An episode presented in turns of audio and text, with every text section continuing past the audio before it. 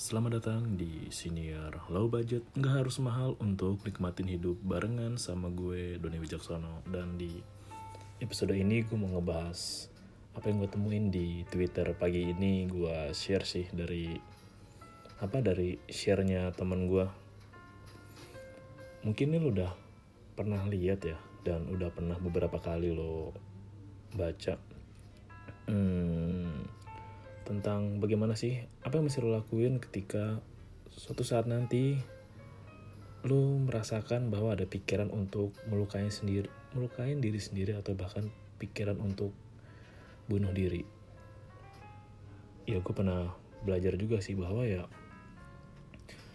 ada pikiran dan dorongan-dorongan untuk melukai diri sendiri. Dan ini emang dorongan dari pikiran yang wajar, terutama ketika lo lagi ngerasain yang namanya kecewa dengan diri sendiri. Gue juga pernah ngeliat contoh langsungnya sih. Jadi mungkin ini sering terjadi ketika lo lagi di masa-masa remaja lah. Ya katakan kisaran usia 14 sampai 18 20-an. Kenapa gue suka ngebahas usia-usia segitu? Karena emang pendengar gue ada di usia segitu dan gue percaya bahwa dengan anak muda itu banyak banget perubahan dan hal baik yang bisa dilakuin yang belum pernah berhasil dilakuin oleh angkat-angkatan sebelumnya. Ya gue kan sebagai generasi milenial agak akhir lah. Dekat dengan Gen Z kan dan ada perbedaan cara pandang juga dan cara melihat dunia dari era milenial dan Gen Z. Mungkin emang secara teknis Gen Z itu bagi orang-orang yang dulu milenialnya susah orang tua kan orang tua Gen Z kan banyak kan milenial dan sudah pernah mengalami kehidupan yang susah mampu bertahan dan melewatin sehingga dari yang orang nggak punya menjadi punya. Nah Gen Z ini lahir dari orang yang orang tuanya berada atau punya atau menengah lah. Dan tantangannya kan ketika lu berasal dari yang punya otomatis atau cenderung lah cenderung secara nggak sadar bahwa ya lo pasti akan jadi lemah. Kayak nggak tahan capek nggak tahan panas nggak tahan berjuang. Ini udah banyak dirasain sih. Meskipun yang berbanding terbalik juga yang gue pernah bahas di beberapa episode sebelumnya bahwa ya Gen Z itu juga cukup luas. Orang kayak Bonge kayak JJ kayak si Cepmek itu juga termasuk Gen Z hitungannya. Ya Cepmek Gen Z Gen Z sih? Tampangnya sih kayak usia generasi X kayak Gen Z deh. Juga mereka Gen Z yang nggak tech savvy yang enggak teknologi adaptif. Tapi memang kesamaan yang mendasar bahwa ya teknik atau ketahanan daya juang yang beda. Emang di era sekarang sih yang namanya instan itu penting banget sih udah bahkan penting lagi mah udah jadi kayak harus gitu. Kayak order makanan lu pesan sekarang setengah jam lagi sampai. Bahkan ada paket yang bisa menggaransikan kalau lu order hari ini barang juga bisa sampai hari ini. Mau itu kadang ya masih dalam kota atau jarak sekian kilometer. Jadi kebiasaan untuk menahan diri menerima setiap cobaan untuk dapat kepuasannya itu beda dengan angkatan-angkatan sebelumnya makanya kalau yang sering pakar ekonomi bilang kan mampu menahan atau menunda kesenangan dulu kan. Di generasi sekarang makin maju makin sekarang tuh makin susah untuk menunda kesenangan. Daripada gue harus tahan 3-4 tahun kalau bisa gue dapetin dalam setahun secara singkat ya kenapa enggak? Gue pikirin 3-4 tahun ke depannya nanti aja. Nah begitu juga dengan hal-hal lain. Itu juga terkait dengan yang daya tahan untuk mampu menahan kesenangan dalam hal kesenangan kayak uang misalkan. Ya banyak anak muda yang terjerat pinjol. Kan generasi milenial juga sama ada. Z gue belum tahu datanya sih tapi kalau milenial tuh ada. Bahwa ya kalau dilihat dari report dia pinjaman itu lu bisa lihat reportnya di web untuk startup itu angkanya gede banget. Gede banget. Bahkan ya kredit yang disalurkan pun nilainya cukup tinggi juga. Ada yang triliunan kok itu kebanyakan pinjam, pinjaman ringkas kayak lu bisa pakai Shopee Pay, GoPay Letter, atau Indodana, atau ya aku laku gitu-gitu juga. Itu juga termasuk saluran dari mereka sih. Emang ada yang kebutuhan untuk urgent banget yang mendesak lah atau juga rasa sepele untuk memenuhi kebutuhan aktualisasi diri lo. Punya gadget bagus punya HP bagus jam bagus ya notabene ya. Kemarin gue juga baru lihat langsung sih emang ada orang yang ya dia beli barang branded untuk bisa dianggap dihargai diakui dan dihormati. Ya kemarin gue langsung sih. Walaupun emang gue sempet ngobrol sama orangnya dan gue kata-katain. Kalau buat gue ya lo emang gak ada gunanya sih lo punya barang bagus kalau itu nggak bikin lo produktif. Nggak bisa memperkuat personal lo kalau misalkan kayak gue kan ya gue perlu alat-alat yang rekaman bagus. Gue sekarang rekaman juga pakai ganti HP nggak di HP gue yang biasanya karena setelah kemarin insiden mic gue agak rusak gue jadi agak males-males juga sih mau nyoba lagi. Udah rekaman lama nanti gagal. PR banget lo mesti ngulang hal yang sama dan ngebahas yang sama gitu dan nggak tahu keberhasilannya berapa persen. Jadi gue pakai rekaman pakai HP aja. Dan menurut gue worth worth it pantas banget kok. Ya gue ganti HP dengan yang sedikit lebih baik untuk bisa upload konten di low budget food di Anchor juga. Ini juga kualitasnya bagus banget sih menurut gue hampir setara dengan mic yang bisa gue pakai. Kayak kembali lagi dan kembali ke kesenangan yang singkat. Itu juga kesenangan yang singkat. Emang sih dopamin atau ya hormon kesenangan atau kegembiraan yang muncul juga enggak sebanyak dari seberapa lama lo kuat menahan sampai waktunya itu tiba. Kan ada beda kegembiraan sendiri ya ketika lo bisa nabung setahun dua tahun gitu buat beli barang dibandingnya ya lo nabung tiga bulan dapat barangnya beda. Tinggi kepuasannya itu emang beda banget sih. Dan pusingnya setelah mikirin bayar cicilannya bayar bunganya itu juga beda banget. Dari yang nabung 2 tahun sama tiga bulan nunggu. Emang iya sih nggak bisa dibohongin waktu kita terbatas. Tapi memang ya nggak bisa dibohongin juga pusing kita bisa nggak terbatas juga kalau nggak segera kelarin terutama masalah keuangan. Dan balik lagi makin cepet lo gembira makin cepet juga lo bisa ngerasa ya sedih bisa ngerasa gondok marah. Apalagi dengan sosial media kayak perang-perangan lo liat lah keyboard warrior di twitter yang maha-maha itu yang banyak banget. Yang gue nggak tahu kenapa mereka senang banget memperebutkan kemenangan kecil di Twitter sementara mereka kalah di dunia nyata. Dan bahkan sampai hal gitu juga bisa bikin lo ngelukain diri sendiri. Ada kemarin kan yang berkat bulian di internet. Karena bulian di internet, jadi ada orang yang bunuh diri. Begitu juga dengan melukai diri sendiri sih. Mungkin gue juga pernah lihat di Twitter ini agak berat bilangnya sih. Ada orang yang ya saking banyak yang ngehujat saking kayak kalian seneng kalau aku mati ya? Kalian seneng ya kalau aku terluka ya? Kalian seneng kalau aku apa banyak apa menderita gini ya? Itu pernah gue lihat sekali sih emang udah agak lama sih dan kalau gue lihat emang rentangnya itu rentang usianya tuh 14 sampai 20 tahunan awal lah dan kalau secara psikologis tuh ya ketika lo ingin melukai diri sendiri artinya selain lo merasa kekecewaan diri lo dan lo dalam tahapan belum menemukan diri lo dan belum menemukan keberfungsian lo dalam sosial dalam masyarakat. Emang bisa dibilang fase yang butuh perjuangan ekstra sih bahkan sampai dengan usia 30-an awal tengah pun 30-an tengah pun ada orang yang belum bisa menyadari tujuannya apa, gimana gue aktualisasi diri gue di lingkungan, masyarakat, di sosial, di komunitas, dan belum. Dan kekecewaan-kekecewaan yang muncul, kekecewaan pada diri sendiri, kecewaan dari orang lain, misalkan kenapa lu bisa disakitin, kenapa lu gampang dibohongin, kenapa lu gampang dibego-begoin, ya bisa bikin lu untuk ngelukain diri lu sendiri. Pun juga rasa ingin membunuh diri lu itu juga muncul dari penolakan-penolakan orang lain. Dari dikecewakannya sangat parah dibohongin ya dibohongin orang sampai nilainya dengan ya dibohongin orang puluhan juta ratusan juta. Kayak untuk beberapa kejadiannya di Korea kan ya kasus bunuh diri ya lo tahu sendiri lah. Tapi kita bahas di Indonesia dulu. Kasus bunuh diri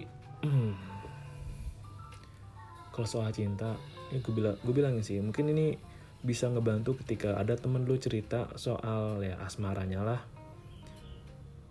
Ya mungkin bagi lu kedengeran apaan sih lu anjing? gitu. Ya lah gitu doang lemah gitu. Hmm gue pernah ada di posisi di mana ya gue coba deh gue terbuka dikit soal apa yang gue rasain tentang perasaan gue terhadap seorang wanita saat itu. Ada respon yang ya lah gitu doang lu mending lah gue atau yang ada yang yang ya begitu doang bro. Udah tinggalin bro. Move on bro. Mungkin bagi lu saat itu ya yang dirasain orang itu nggak seberapa sih. Dan emang sih treatment orang beda-beda. Ada yang butuh didengerin ada yang butuh di hantam dengan realita biar sadar dan cepet bangkit. Ada yang ya udahlah gue terima. Gue terima gue lawan dan gue bangkit. Ada. Tapi kebanyakan dari kita tuh emang lebih menromantisasi sakit hati sih. Dan di antara romantisasi sakit hati pun juga ada yang emang bener-bener sakit hati. Ini juga berlaku buat perempuan dan laki-laki. Setelah kemarin gue juga dengar dari cerita temen gue Bayang udah pacaran lama udah mau amaran dan tiba-tiba nemuin cowoknya lagi ML sama cewek lain di tempat yang ya mereka lagi cicil bersama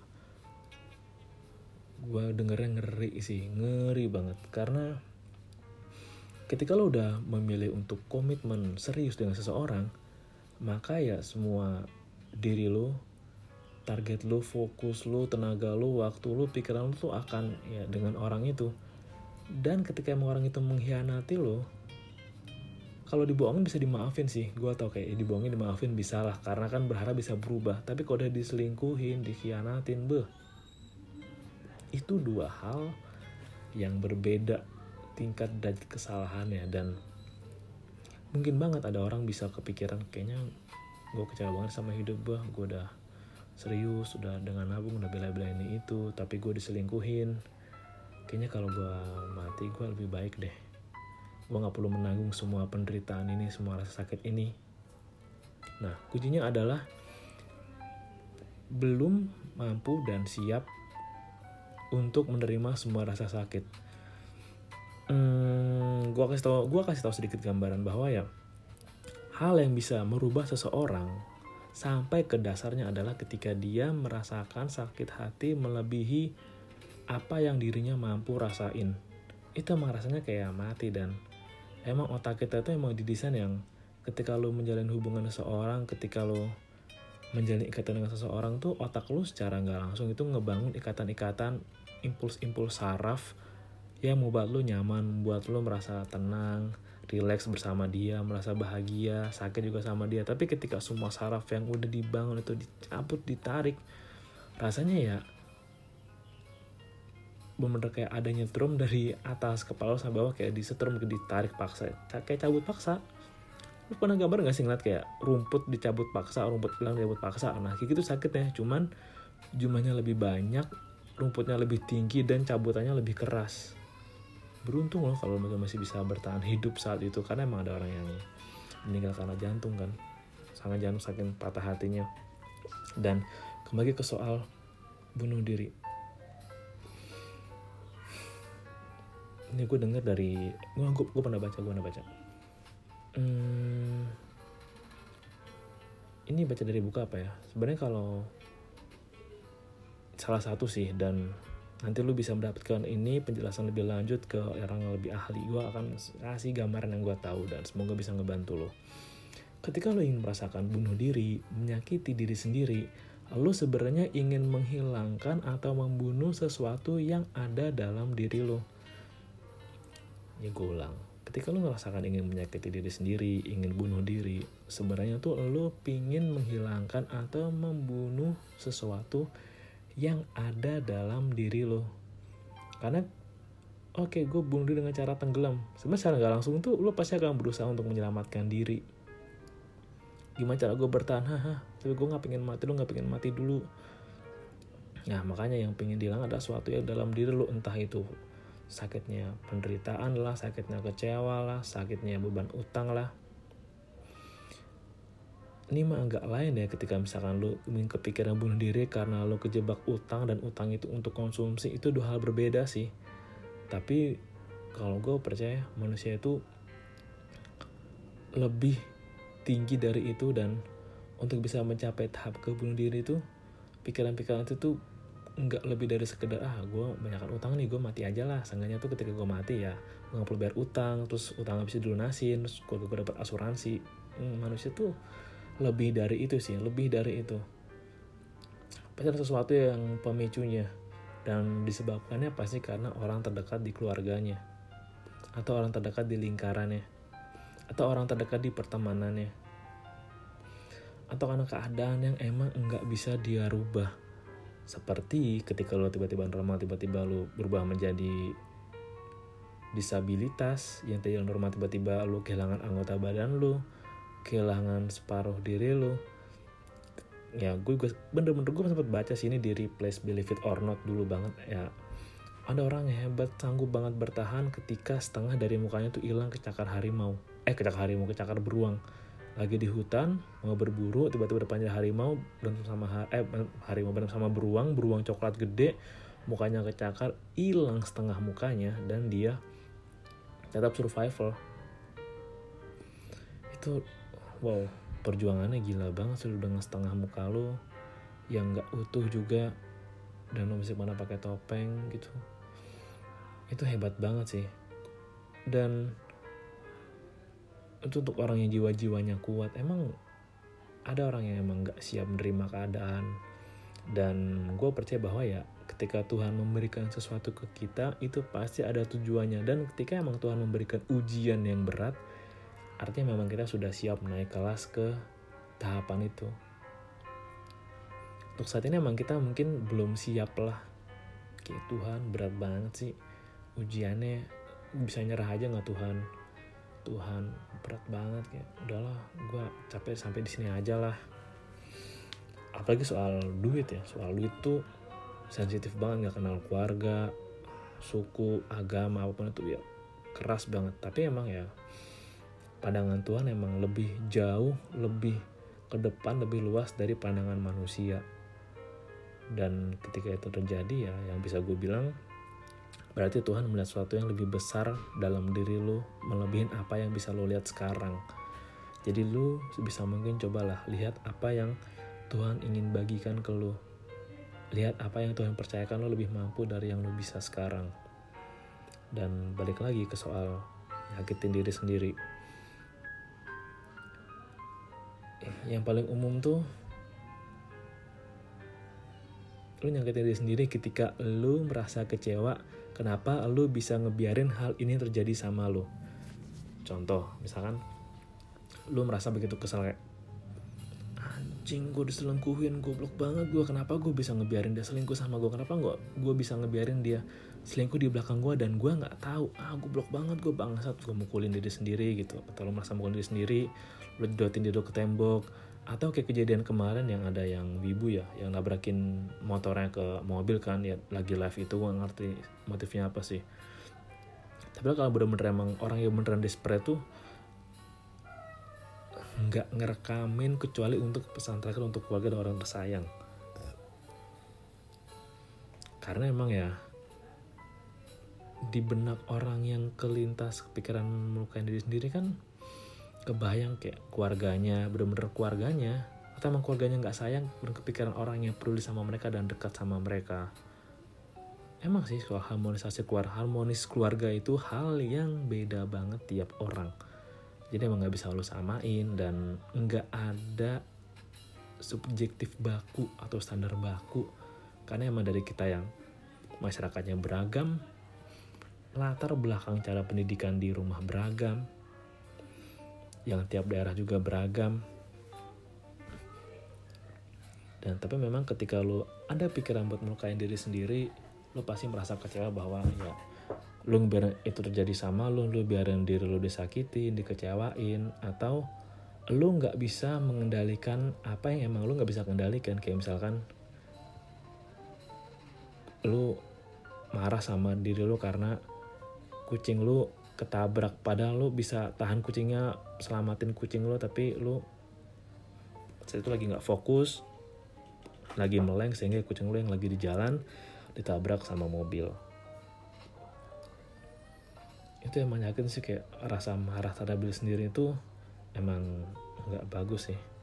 Gue juga pernah bahas ini kayak di episode yang awal banget ya jangan marahin diri sendiri terus emang enggak sih karena emang secara psikologi badan kita itu enggak mengenali baik buruk. Self talk kita menentukan ya kita bagaimana.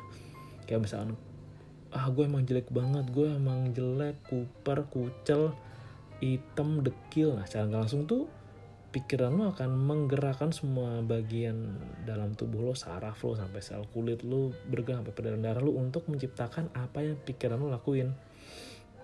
Dan makanya mau pikiran itu hal yang kuat sih. Pikiran itu ada hal yang kuat dan jangan lo berbicara negatif sama diri lo sendiri. Itu gue juga suka bilang beberapa kali sih berbicara negatif soal diri lu sendiri itu bukan hal yang bagus. Dan balik lagi ada pembahasan yang bagus sih. Dan mungkin gue sampein lagi hmm, tips yang pernah juga gue lakuin ketika gue ingin berusaha tendensi menyakiti diri sendiri itu juga pernah loh dan gue agak aneh sih kalau orang nggak pernah kepikiran buat nyakitin dirinya sendiri mungkin hidupnya sangat aman terjamin dari kecil sampai gede tidak ada stres, bahagia selalu. Tapi ya perasaan bahagia tuh harusnya nggak boleh bertahan lama sih, harus ada perasaan yang lain. Sama kayak film yang Inside itu kan, Inside Out. Atau yang gue baru baca juga tadi di bukunya Viktor Frankl bahwa ya kebahagiaan itu emang nggak boleh terus-terusan harus ada imbang, ada sedihnya, marahnya, keselnya. Mungkin orang yang nggak pernah kepikiran untuk apa yang tendensi buat ngelukin diri sendiri, lu mesti agak bertanya lagi deh dan ya beberapa tips yang bisa gue kasih lo adalah ketika lo kepikiran untuk melukain diri lo sendiri cobalah untuk olahraga gue suka beberapa kali sih olahraga cara ngungkapin stres pusing galau marah lo olahraga push up lari bahkan.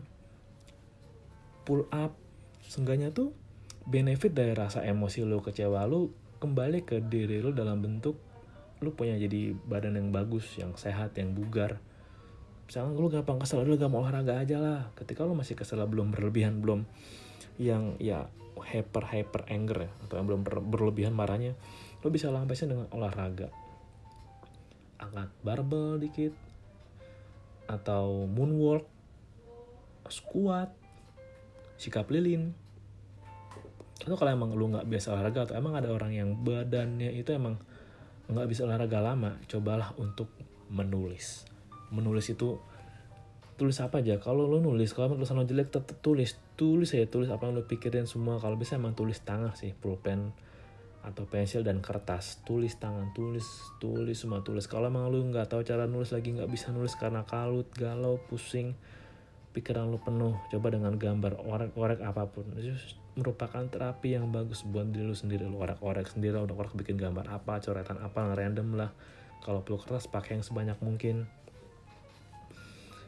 pakai yang kertas yang ya yang selebar mungkin pakai yang kertas gambar A3 lah atau polio lah gambar apa pun tulis apa pun pakai warna apa pun kalau ada kanvas ya lu ada cat lukisnya lu lukis apa pun ekspresikan dalam bentuk tulisan karena ini juga secara psikologis tuh tulisan itu tercemin atau mencerminkan dari alam bawah sadar lo.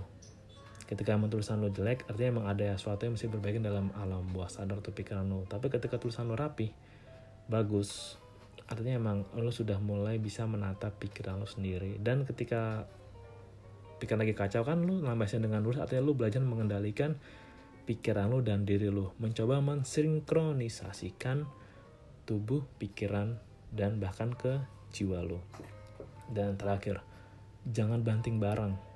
Asli, gue masih gak ngerti kenapa ada tempat yang lampiaskan emosimu di sini. Banting barang, banting, rusak gila, destruktif. Mungkin emang lu, mungkin aneh kayak lu udah lagi kesel, lu mesti bayar mahal buat pecahin barang. Terus habis sampai keluar, mungkin lu lega gitu. Wih, lega, lega, weh, emosi gue udah terpuncak. Tapi itu akan menimbulkan kebiasaan baru bahwa ya ketika lo lagi emosi, lu boleh untuk merusak barang di sekitar lu mungkin kayak oh enggak kok aku bisa mengendalikan amarahku aku hanya ke sini ketika benar-benar kesal bagi orang yang emang belum terbiasa mengendalikan emosi nggak biasa meditasi wah kalau lagi marah tiba-tiba bisa apa aja dibanting dilempar bisa tantrum. Emang nggak semudah itu makanya emang lu mesti menghindarin melemparkan membanting memukul ketika lo lagi emosi sesaat. Itu emang gak bagus. Dan tips terakhir beberapa tips terakhir ketika lo punya pikiran untuk bunuh diri lo menghilangkan nyawa dalam atau melakukan sesuatu dalam diri lo jadi itu ada tips yang gue temuin di twitter dan emang bisa lakuin sih. Cari hal-hal kecil yang bisa bikin lo bahagia. Cari hal-hal kecil yang bisa bikin lo bahagia dan bikin lo ngerasa tetap hidup.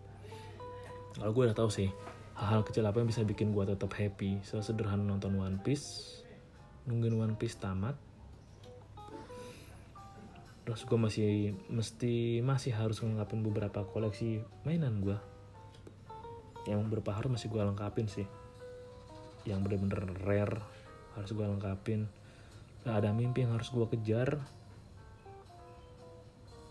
Dan gue masih pengen nyobain basreng kesukaan gue dan makan sarimi isi dua favorit gue dan banyak hal lain lah kadang emang kita sering melupakan hal-hal kecil tapi emang sebenarnya berarti dan penting untuk kita. Dan makanya belajar untuk enggak mengabaikan hal-hal kecil. Seperti ketika habis pakai pulpen taruh balikin lagi di tempatnya. Ketika lo habis mandi jemur anduk lagi di tempatnya. Tadi dari luar pakai sepatu balikin lagi ke tempatnya. Ketika habis makan cuci piring sendiri atau rapikan kamar lo sebelum lo berangkat. Hal kecil aja atau cuci sepatu lo setiap minggu. Karena hal kecil itu yang berarti dan penting dan bisa bikin lo ngerasa tetap hidup. Dan nanti gue cantumin judulnya ini hmm, cara menangkal pikiran untuk menyakiti diri sendiri. Emang sih lo tuh terlalu berharga untuk disakitin bang oleh diri lo sendiri. Lo terlalu berharga dan kalau emang disakitin berarti emang ada pelajaran hikmah yang mesti lo ambil. Dan pelajaran itu buat lo terjadi untuk lo bukan buat orang lain untuk lo belajar untuk lo tahu yang bisa lo bagiin dan jadi cerita lo ke depannya. Dan jangan emang lo kira bahwa hidup tanpa cerita sedih cerita berjuang itu hidup yang bener yang normal. Enggak. Hidup tuh nggak flat yang kuliah kerja lulus. Kuliah sekolah kuliah lulus kerja cari duit nabung sampai tua cicil mau beli kedikit nikah punya anak iya happy happy sampai tua pensiun mati. Nggak sederhana itu nggak. Manusia lebih dari itu. Manusia lebih dari itu dan PR lo dalam menemukan tujuan lo. Terima kasih udah dengerin dan salam. Lo budget